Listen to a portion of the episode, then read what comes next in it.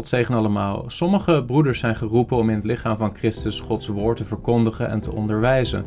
Ehm, in deze video wil ik samen met wat andere broeders die die roeping hebben, wat adviezen aan je geven vanuit de praktijk en je helpen om te groeien in deze bediening.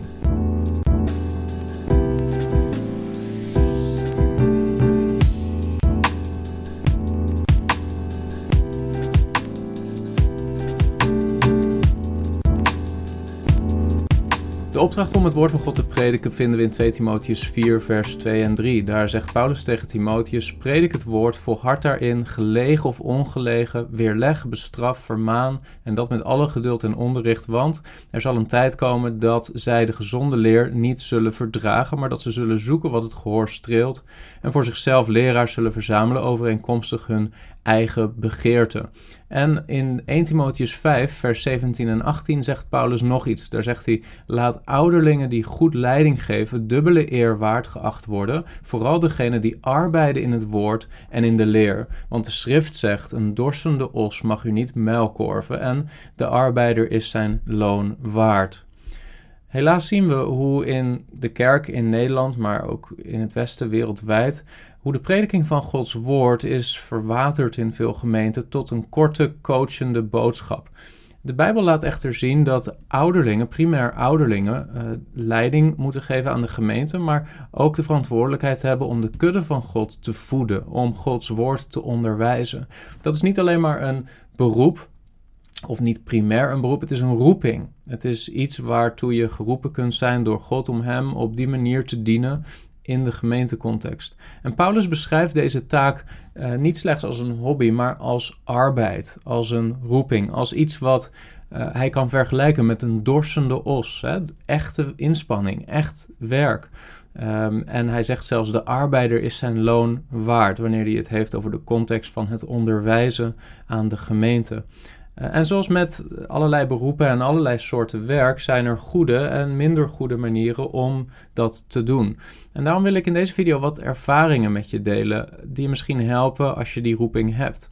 Er is me gevraagd om iets te vertellen over uh, het voorbereiden van een preek. En ik zeg heel vaak tegen mijn vrouw Alinda: preken is voor mij net als een bevalling. Het geeft een bepaalde spanning je weet dat het moment daar gaat komen dat je de preekstoel opgaat of dat je op het podium moet komen. En uh, daar is een periode van voorbereiding aan vooraf gegaan. En uh, ja, dat is, uh, het geeft een bepaalde gezonde spanning. Maar het geeft ook soms een bepaalde last, een bepaald um, je voelt de zwaarte ervan. Hè? van um, het, het gaat niet altijd vanzelf. Ik ervaar de voorbereiding van een preek als een worstelstrijd. En um, ja, tot het moment is eigenlijk dat, uh, dat iets doorgebeden is. Dat je echt in je hart ervaart van en nu heb ik de boodschap van de Heer ontvangen en dan mag ik die doorgeven. Ik geloof zelf in de eerste plaats dat je een boodschap van God ontvangt. En dat je die boodschap mag doorgeven als een ambassadeur. En daarom is spreken ook, uh, ja, dat moeten we niet te lichtvaardig opvatten. We zijn een ambassadeur van de levende God om een boodschap te communiceren vanuit de hemel met het verlangen dat harten geraakt worden. En wat ik heel belangrijk vind aan preekvoorbereiding is om twee dingen helder te hebben. Dat zou ik ook echt jonge predikers willen uh, op het hart willen binden. En dat is de, eh, een preek moet een focus hebben, een duidelijke focus hebben en een duidelijke functie hebben. En zet dat nou eens boven um, je preek, om het zo maar te zeggen. Zet het nou eens op een wit vel, op een wit vel papier. Wat is je focus? Wat wil dit tekstgedeelte, wat wil deze pericoop nou eigenlijk zeggen? Wat is de zin en mening van de Heilige Geest over dit gedeelte. En dat moet je overbrengen. Maar dat niet alleen, want dat is eigenlijk kennisoverdracht. Hè, van wat staat er eigenlijk? Hè? Het bereikt dan als het ware het hoofd. Maar dan moet je ook vervolgens de functie helder hebben. Wat wil je met dit gedeelte bereiken? En dan bedoel ik mee, wat betekent dat voor hart en handen?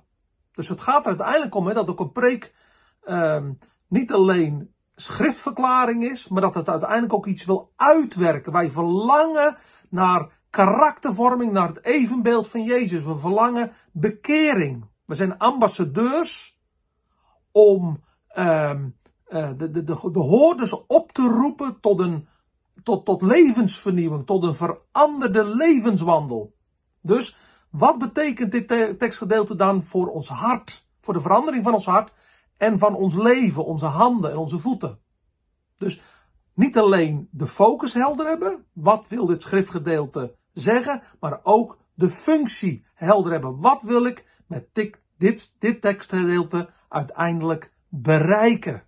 Wat moeten de hoorders gaan doen in hun dagdagelijkse leven als ze naar huis gaan?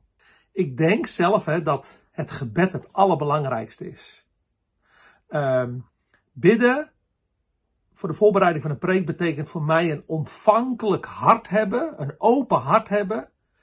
En zo met de Bijbel voor me te zeggen, heren, wat staat er nou eigenlijk? Geef dat ik uw woord mag verstaan naar de zin en mening van de Heilige Geest. Maar daar ook met de vraag in het hart, heren, maar wat betekent dat nu voor ons vandaag? Voor ons eigen hart en leven? En om dat op te schrijven en dat uit te werken. Nou, naast gebed Ehm, voor het verstaan van het woord is het ook echt belangrijk om te bidden voor voorbereide harten. Dat het woord uh, doorgang mag vinden, dat er voorbereide harten zijn, dat er hongerige harten zijn, hè, dat het woord mag landen. Dat is ook vaak in mijn gebed. Uh, voor de rest zijn er natuurlijk andere hulpmiddelen. Ik denk aan de uh, studiebijbel, Oude en Nieuwe Testament, is ook digitaal te verkrijgen. Wat ik daarom mooi vind, is dat de grondwoorden ook uitgewerkt worden. Dat je soms de diepte van de tekst beter kan verstaan door een grondwoord wat uit te zoeken. Uh, ik vind het ook mooi om uh, bijbelcommentaren te lezen uit verschillende tradities. Bijvoorbeeld kingcommons.com. De hele Bijbel staat daar verklaard. Dat is meer vanuit de vergadering van gelovigen perspectief. Maar heel trouw vaak ook aan de schrift. En uh, het is ook goed om bijvoorbeeld eens een, reformatorische Puriteinse preek te lezen over een tekst. Of uh, een evangelische preek te lezen of te beluisteren. Om gewoon ook van meerdere kanten uh, geïnspireerd te raken. Ik heb zelf een Excel-sheet gemaakt met allemaal Bijbelteksten. Uh, van prekenboeken en van boeken die ik heb met uh, daarachter de schrijver en het boek. Zodat als ik een preek maak, dat ik uh, kijk, oh heb ik daar ook al uh, een preek over. En dat ik dat er gewoon nog eens even bij lees. En um, tenslotte zou ik jullie allemaal willen aanraden om eens kennis te nemen van preken van Spurgeon. De prins de predikers. Die heel beeldend kon spreken. Het inspireert je ook vaak in de manier waarop hij sprak. En ook echt vele mensen bereikte. En een must read voor alle jonge predikers. Dat is het boek van Dr. Martin Lloyd Jones, Prins der Predikers. Of uh, Waarom landt de boodschap niet? Het is onder twee titels uitgegeven. Wat gaat over de voorbereiding van het hart. Wat gaat over de preek zelf. Wat moet je doen na de preek. Maar dat is een zeer inspirerend boek. Ik wens jullie allemaal God zegen toe. En ik hoop dat daar veel geestvervulde prediking mag zijn. Ook in deze 21ste eeuw. Ik heb nog twee tips voor de beginnende prediker. En dat is uh, het boek uh, van Wolfgang Klippert, tweedehands te verkrijgen, van tekst tot preek. Een handboek voor de prediking. Wat heel duidelijk uh, de stappen duidelijk maakt hoe je nou komt van een pericoop, van een tekst tot een preek. Een ander aanbevelenswaardig boekje, heel praktisch, heel eenvoudig, maar wat denk ik beginnende predikers echt kan helpen, dat is het boekje van eh, Ron van der Spoel. Preken is prachtig. En uh, die heeft een hele eenvoudige manier om van een alledaagse situatie naar de tekst te gaan, van de tekst naar de context, om dan vervolgens uh, de theologie vanuit het gedeelte duidelijk weer te geven en wat het vervolgens betekent voor ons praktische leven. Dus dat zijn twee boekjes die je echt verder kunnen helpen bij het maken van een preek. Nou, succes daarbij heel veel zegen. Uh, twee vrienden van mij, beide actief als ouderling in een gemeente, uh, wil ik hier ook in aan het woord laten. En misschien heb je wat aan hun ervaringen. Allereerst gaan we luisteren naar Wijnand de Ridder.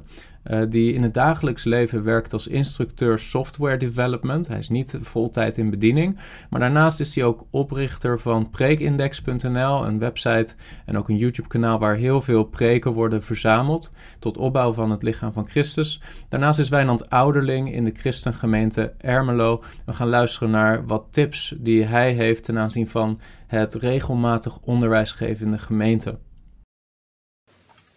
Goedendag, ik ben Wijnand de Ridder en ik eh, kreeg van Chris Verhagen de vraag of ik iets wilde uitleggen over hoe ik mijn preken voorbereid. En dat wil ik eh, bij deze doen. Ehm, nou, het belangrijkste principe voor mij is ehm, eigenlijk dat ik ruim de tijd neem ervoor om in alle rust bezig te zijn met een preek. En dan bedoel ik, ik ga niet een dag van tevoren zitten en dan acht uur achter elkaar bezig met mijn preek. Dat werkt voor mij niet. Wat ik doe is, ik ben twee weken meestal bezig met een preek. En in die twee weken uh, doe ik een aantal dingen. En elke keer dan doe ik hier een kwartier en daar een half uur en daar een uur en daar een kwartier en daar weer tien minuten en daar weer een half uur. Ben ik met de tekst bezig en met gebed. Nou, wat ik meestal doe is, ik begin eerst met gebed en ik vraag God om door zijn geest te spreken tot mijn hart en verlangens in mijn hart te leggen die van hem zijn en die de gemeente gaan opbouwen. En uh, ook of hij misschien een tekst in gedachten wil leggen als ik die nog niet heb, of een thema, of een bepaald verlangen wat nodig is voor de gemeente. Dus uh, ik begin altijd in gebed. Maar het hele proces van twee weken, daar zit heel veel gebed tussendoor. Om te bidden voor leiding, te bidden voor wijsheid, te bidden voor uh, de mensen die gaan luisteren, te bidden voor voorbeelden. Te bidden of de Heer echt een kracht, een zalving op me wil leggen. Waardoor ik uh, in staat ben om vrijmoedig en krachtig te preken. Dat is in ieder geval mijn verlangen, dus daar bid ik voor. Um, in dat proces, en in het begin heel veel, lees ik de tekst elke keer door. Dus misschien wel elke dag één of twee keer de hele tekst doorlezen, verschillende vertalingen. En lezen en nog een keer lezen en nog een keer lezen en nog een keer lezen. Zodat ik die tekst echt ken. Dat die in mijn hoofd zit en dat die ook in mijn hart zit. En um, Terwijl ik daar dan ook voor bid, voor wat die tekst zegt en voor verdieping en dat ik echt leef naar wat die tekst zegt. Dan, um, terwijl ik hem lees, ben ik ook bezig om na te denken, wat staat er nou? En wat probeert de schrijver te zeggen? En wat betekent het voor ons? Dus ik ben bezig om me in die tekst te verdiepen. Ik doe een stuk exegese om te, echt te begrijpen, wat staat er nou? Wat wordt er nou bedoeld? Nou, als ik, als ik dat allemaal heb gedaan, dan na een paar dagen weet ik wat de tekst zegt. Uh, in ieder geval, dat is de bedoeling. Uh, heb ik een bepaalde gedachte vaak, een uh, hoofdthema en een aantal subpunten, twee tot vijf subpunten.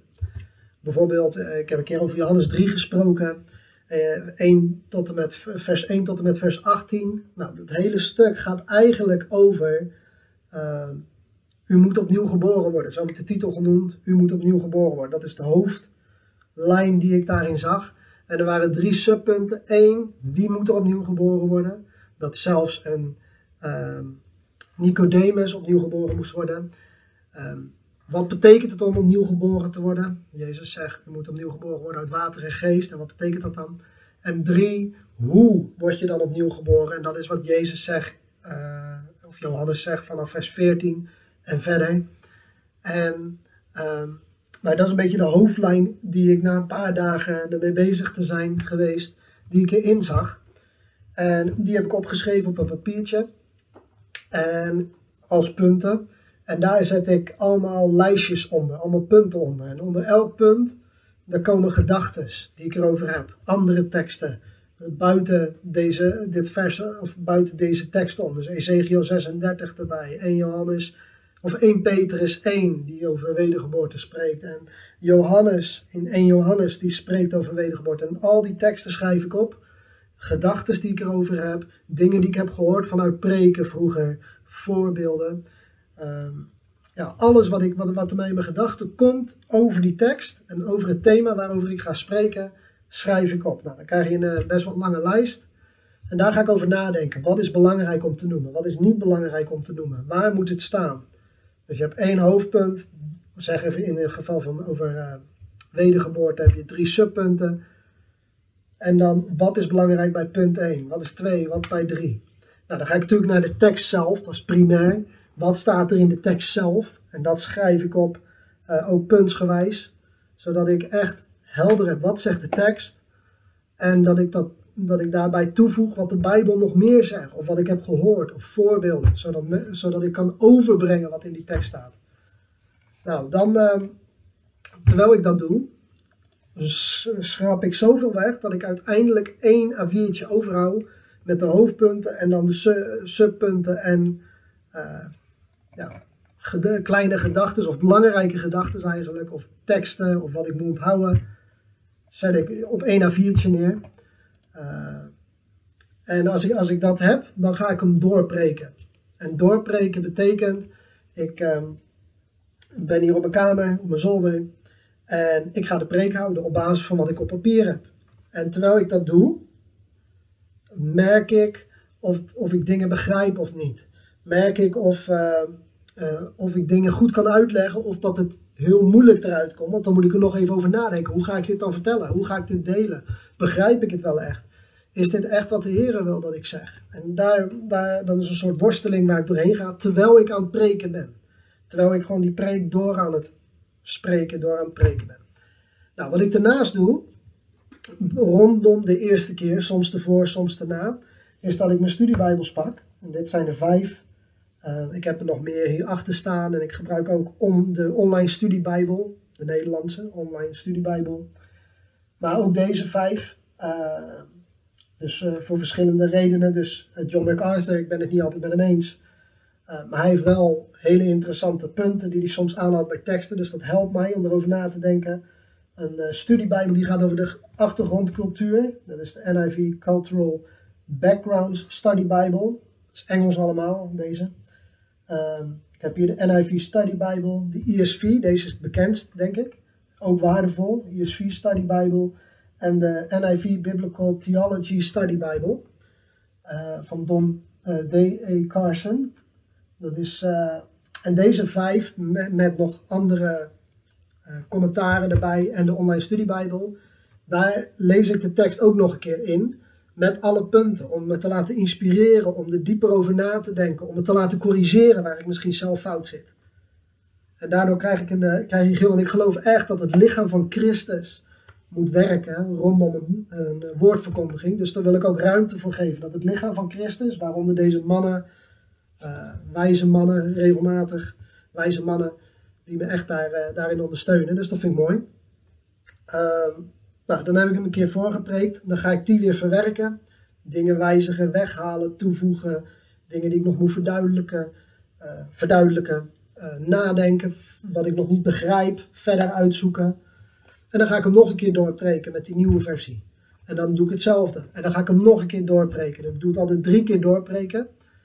En na de derde keer, dan zit die in mijn hoofd en in mijn hart. Dan brandt het in mijn hart en mijn hoofd die weet precies hoe die hem, of uh, ja, ik weet met mijn hoofd precies wat ik moet zeggen.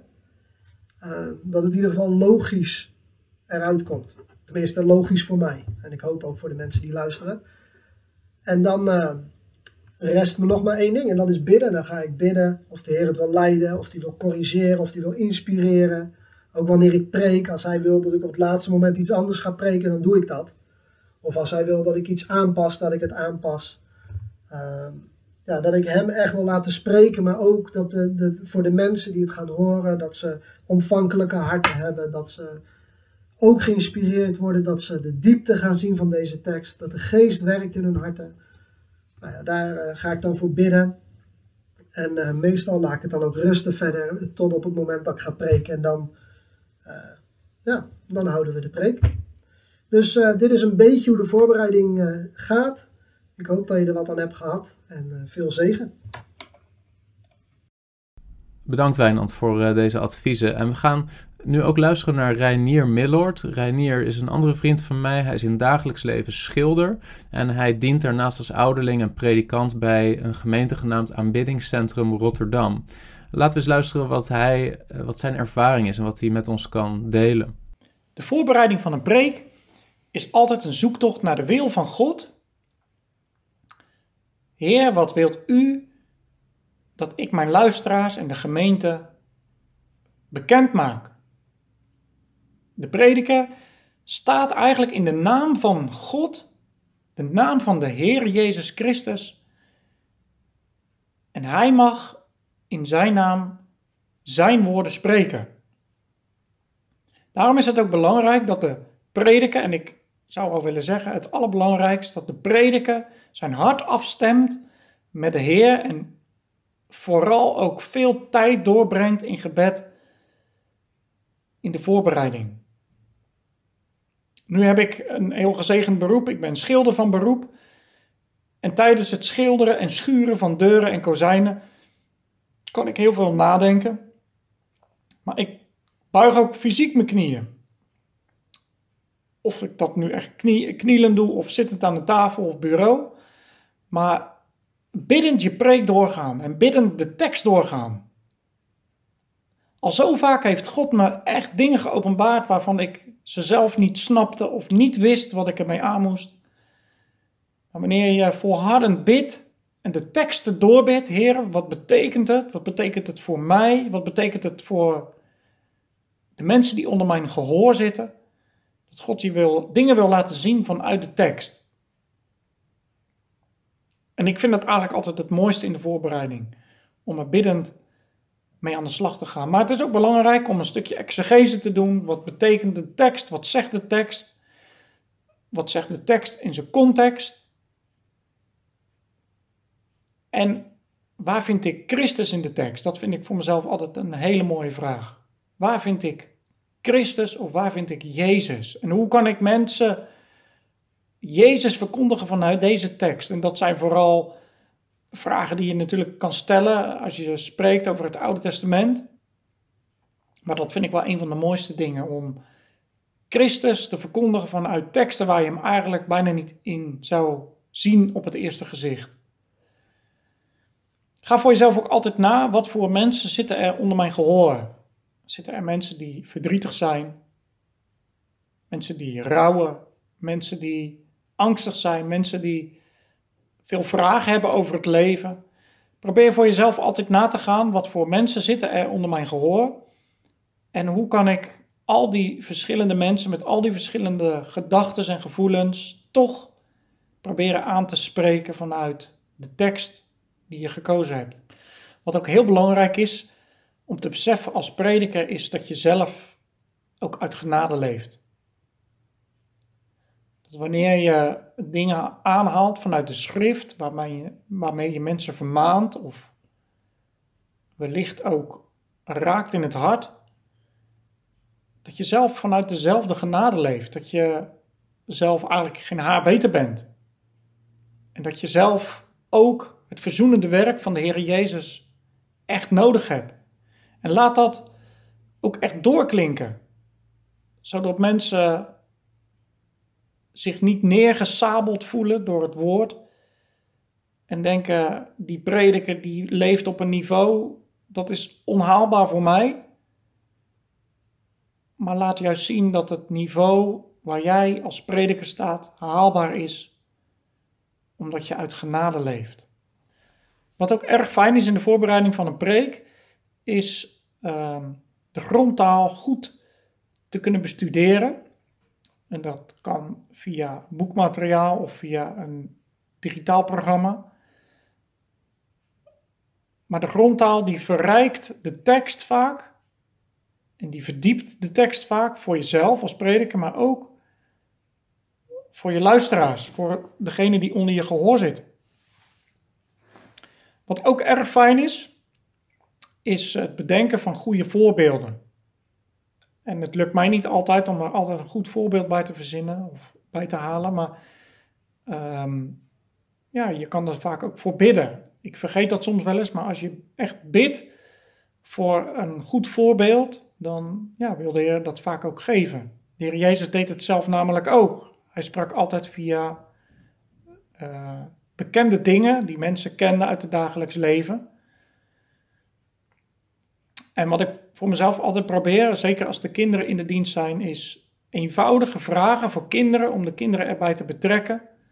Vragen waarvan je weet dat ze ze ook kunnen beantwoorden.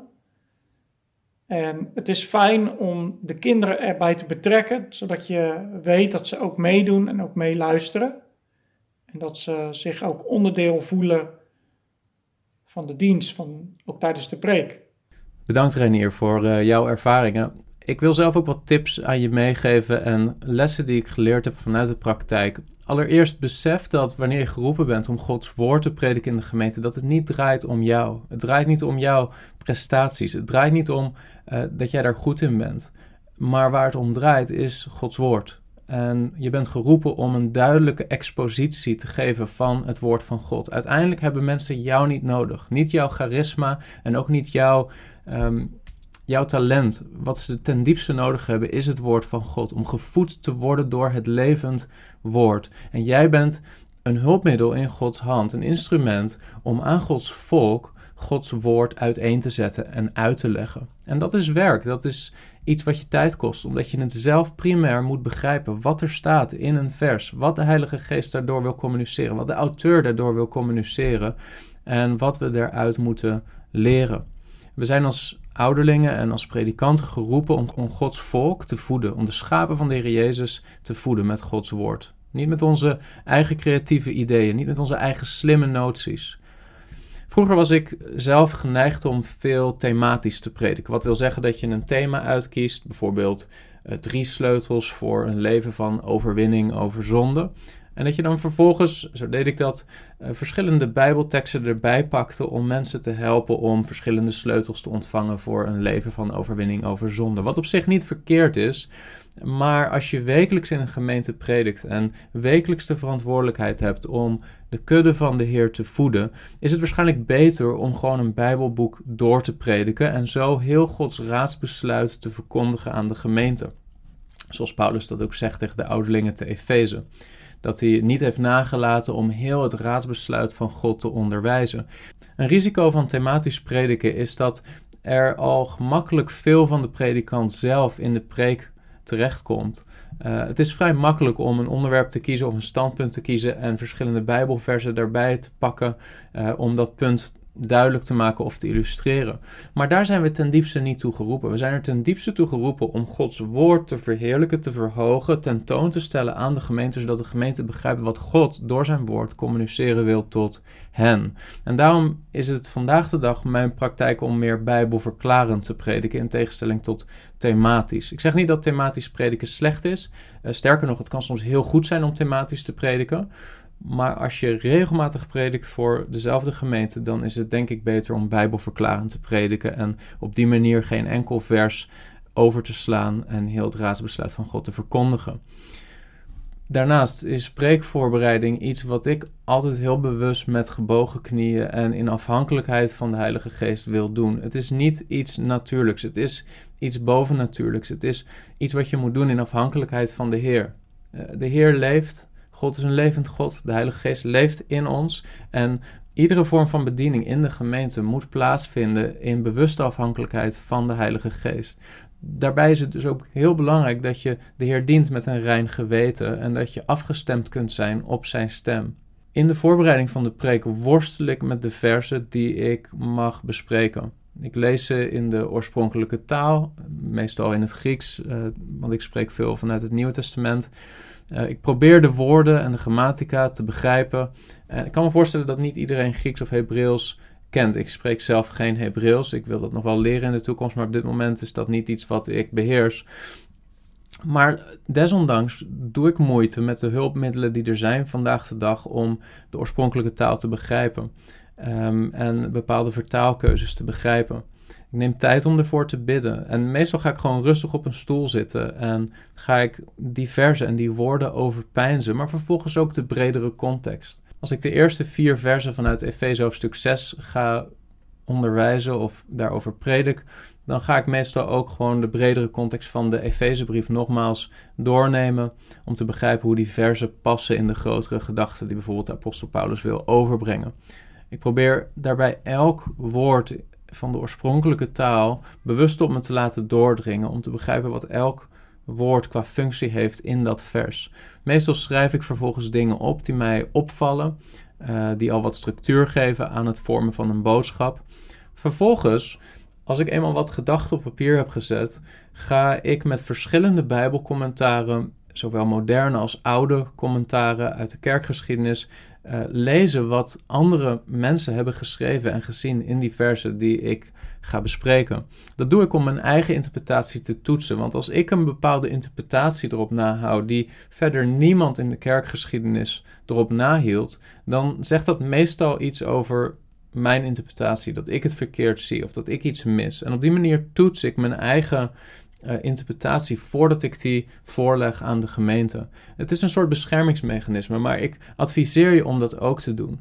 Als jij een bepaalde visie hebt die niemand anders in de kerkgeschiedenis of in de moderne uh, gemeente uh, die niemand hetzelfde perspectief heeft op die verse, dan zit je er waarschijnlijk zelf naast. En je kunt jezelf beschermen voor dat soort dwaling door ook gewoon Bijbelcommentaren te lezen. En dan zul je ook ontdekken dat verschillende uh, commentatoren verschillende visies hebben. En dat is iets waar je vervolgens wel mee kunt worstelen, maar dat kun je ook voorleggen aan de gemeente. Wanneer ik de kern van de verse en de boodschap uh, begrijp die ik wil brengen, dan bid ik meestal de Heer heel bewust ook om voorbeelden, om de boodschap te kunnen verrijken, toegankelijker te maken. En mijn ervaring is dat in afhankelijkheid van de Heer, dat de Heer ook vaak bepaalde voorbeelden in mijn hart legt die ik vervolgens kan verwerken in mijn boodschap. Soms zijn dat voorbeelden uit mijn eigen leven. Tegelijkertijd kan de valkuil zijn van te veel relateren aan je eigen leven, dat de boodschap te veel om jou gaat draaien. Um, en je moet ook erg voorzichtig zijn met het noemen van voorbeelden van mensen die je kent of mensen in de gemeente. Um, dat is waarschijnlijk niet verstandig om uh, dat soort informatie voor te leggen in een preek. Mensen kunnen zich daar echt uh, verraden door voelen of het kan grensoverschrijdend zijn om dat op die manier te doen. En dus is het waarschijnlijk verstandiger om gewoon of bijbelse voorbeelden aan te halen of voorbeelden uit je eigen leven. Maar wees daar voorzichtig mee wanneer het je eigen leven betreft. Soms kan een grap of iets van humor heel erg op zijn plaats zijn. En we zien ook best dat Paulus of dat de Heer Jezus soms humor gebruikt om een punt over te brengen. Maar ook daarbij geldt in mijn beleving dat je er niet te veel humor in moet leggen. Een christen, uh, predikant, is niet geroepen om een stand-up comedian te zijn uh, of, of maar heel de tijd de gemeente aan het lachen te maken. Dat is niet jouw roeping. Jouw roeping is om Gods woord te brengen met een met een zekere gravitas. In de dagen voorafgaand aan het prediken lees ik vaak ook in mijn eigen stille tijd dezelfde tekst en dezelfde versen nog door en blijf die overpeinzen. En ik bid dat de Heer me vervolgens ook helpt om de boodschap op een heldere en krachtige wijze te brengen. En ik vergelijk zelf het voorbereiden van een preek ook wel met het koken voor een gezelschap. Het begint vaak met de vraag: oké, wat ga ik koken? Wat voor recept? Wat wil ik uiteindelijk op tafel zetten? Nou, als je Bijbelverklarend predikt, dan weet je dat van tevoren al. Dan zijn er gewoon een aantal versen die je, waar je over wilt prediken. Vervolgens ga je boodschappen doen. En dat is met prediking net zo goed het geval. Je gaat kijken wat voor ingrediënten zitten er in deze versen. Misschien andere Bijbelteksten die ook spreken over hetzelfde punt erbij betrekken. En vervolgens uh, kan je al die dingen bij elkaar hebben. Maar op het moment dat jouw gezelschap komt, zul je die ingrediënten ook op de juiste manier bij elkaar moeten brengen en nog op het vuur moeten zetten om te koken. En dat laatste zie ik als het gebedsleven. Uh, het is heel belangrijk dat prediking is niet slechts goede informatie overdragen, maar het heeft ook te maken met een levend woord van God doorgeven. En in mijn beleving is het heel belangrijk dat je ook als je al je notities helder hebt voor jezelf, vervolgens tijd neemt om te bidden voor die boodschap. De boodschap moet gekookt zijn, moet voorbereid zijn, moet warm op het hart liggen, om vervolgens die boodschap ook op een vurige manier te kunnen prediken. En daar is het gebedsleven heel erg belangrijk in. Tot slot, uh, en ik weet dat er nog heel veel meer over te zeggen valt over deze dingen, maar dan wordt de video te lang. Misschien in vervolgvideo's dat we nog wat meer punten aan de orde zullen stellen. Maar Um, zoals je gezien hebt in deze video, ik maak zelf gebruik van Logos Bijbelsoftware. En dat is software die staat op mijn telefoon, op mijn tablet, op mijn computer. Um, ik kan dat, uh, dat is software die heel krachtig is en die het je makkelijk maakt om verschillende commentaren bij een vers uh, gelijk erbij te pakken. Um, maar ook bijvoorbeeld een woordstudie te doen en te kijken hoe een bepaald Grieks woord uh, vertaald wordt door verschillende vertalingen. Of bijvoorbeeld te kijken waar een bepaald Grieks woord nog meer voorkomt in het Nieuwe Testament en wat voor vertaalkeuzes daar dan gemaakt zijn. Het is hele krachtige software. In de kerkgeschiedenis hebben we nog nooit zulke krachtige instrumenten gehad om een preek voor te bereiden, om een tekst goed uit te leggen. Dus maak daar gebruik van, is mijn advies. En dan zul je zien dat het je zal helpen om de gemeente te helpen om op een dieper niveau een tekst te begrijpen en meer waardering te krijgen voor Gods woord. En dat is uiteindelijk waar we het voor doen, is dat de gemeente gevoed wordt, dat de gemeente uh, niet alleen maar fastfood ontvangt, maar diepgang en waar goed geestelijk voedsel. Ik hoop dat je iets gehad hebt aan deze wat meer op de praktijk gerichte video en predik het woord, volhard daarin, gelegen of ongelegen, wees een trouw dienstknecht van de Heer. God zegen. Heb je iets gehad aan deze video? Druk dan op like en wil je vaker dit soort apologetische video's zien? Abonneer je dan op dit kanaal.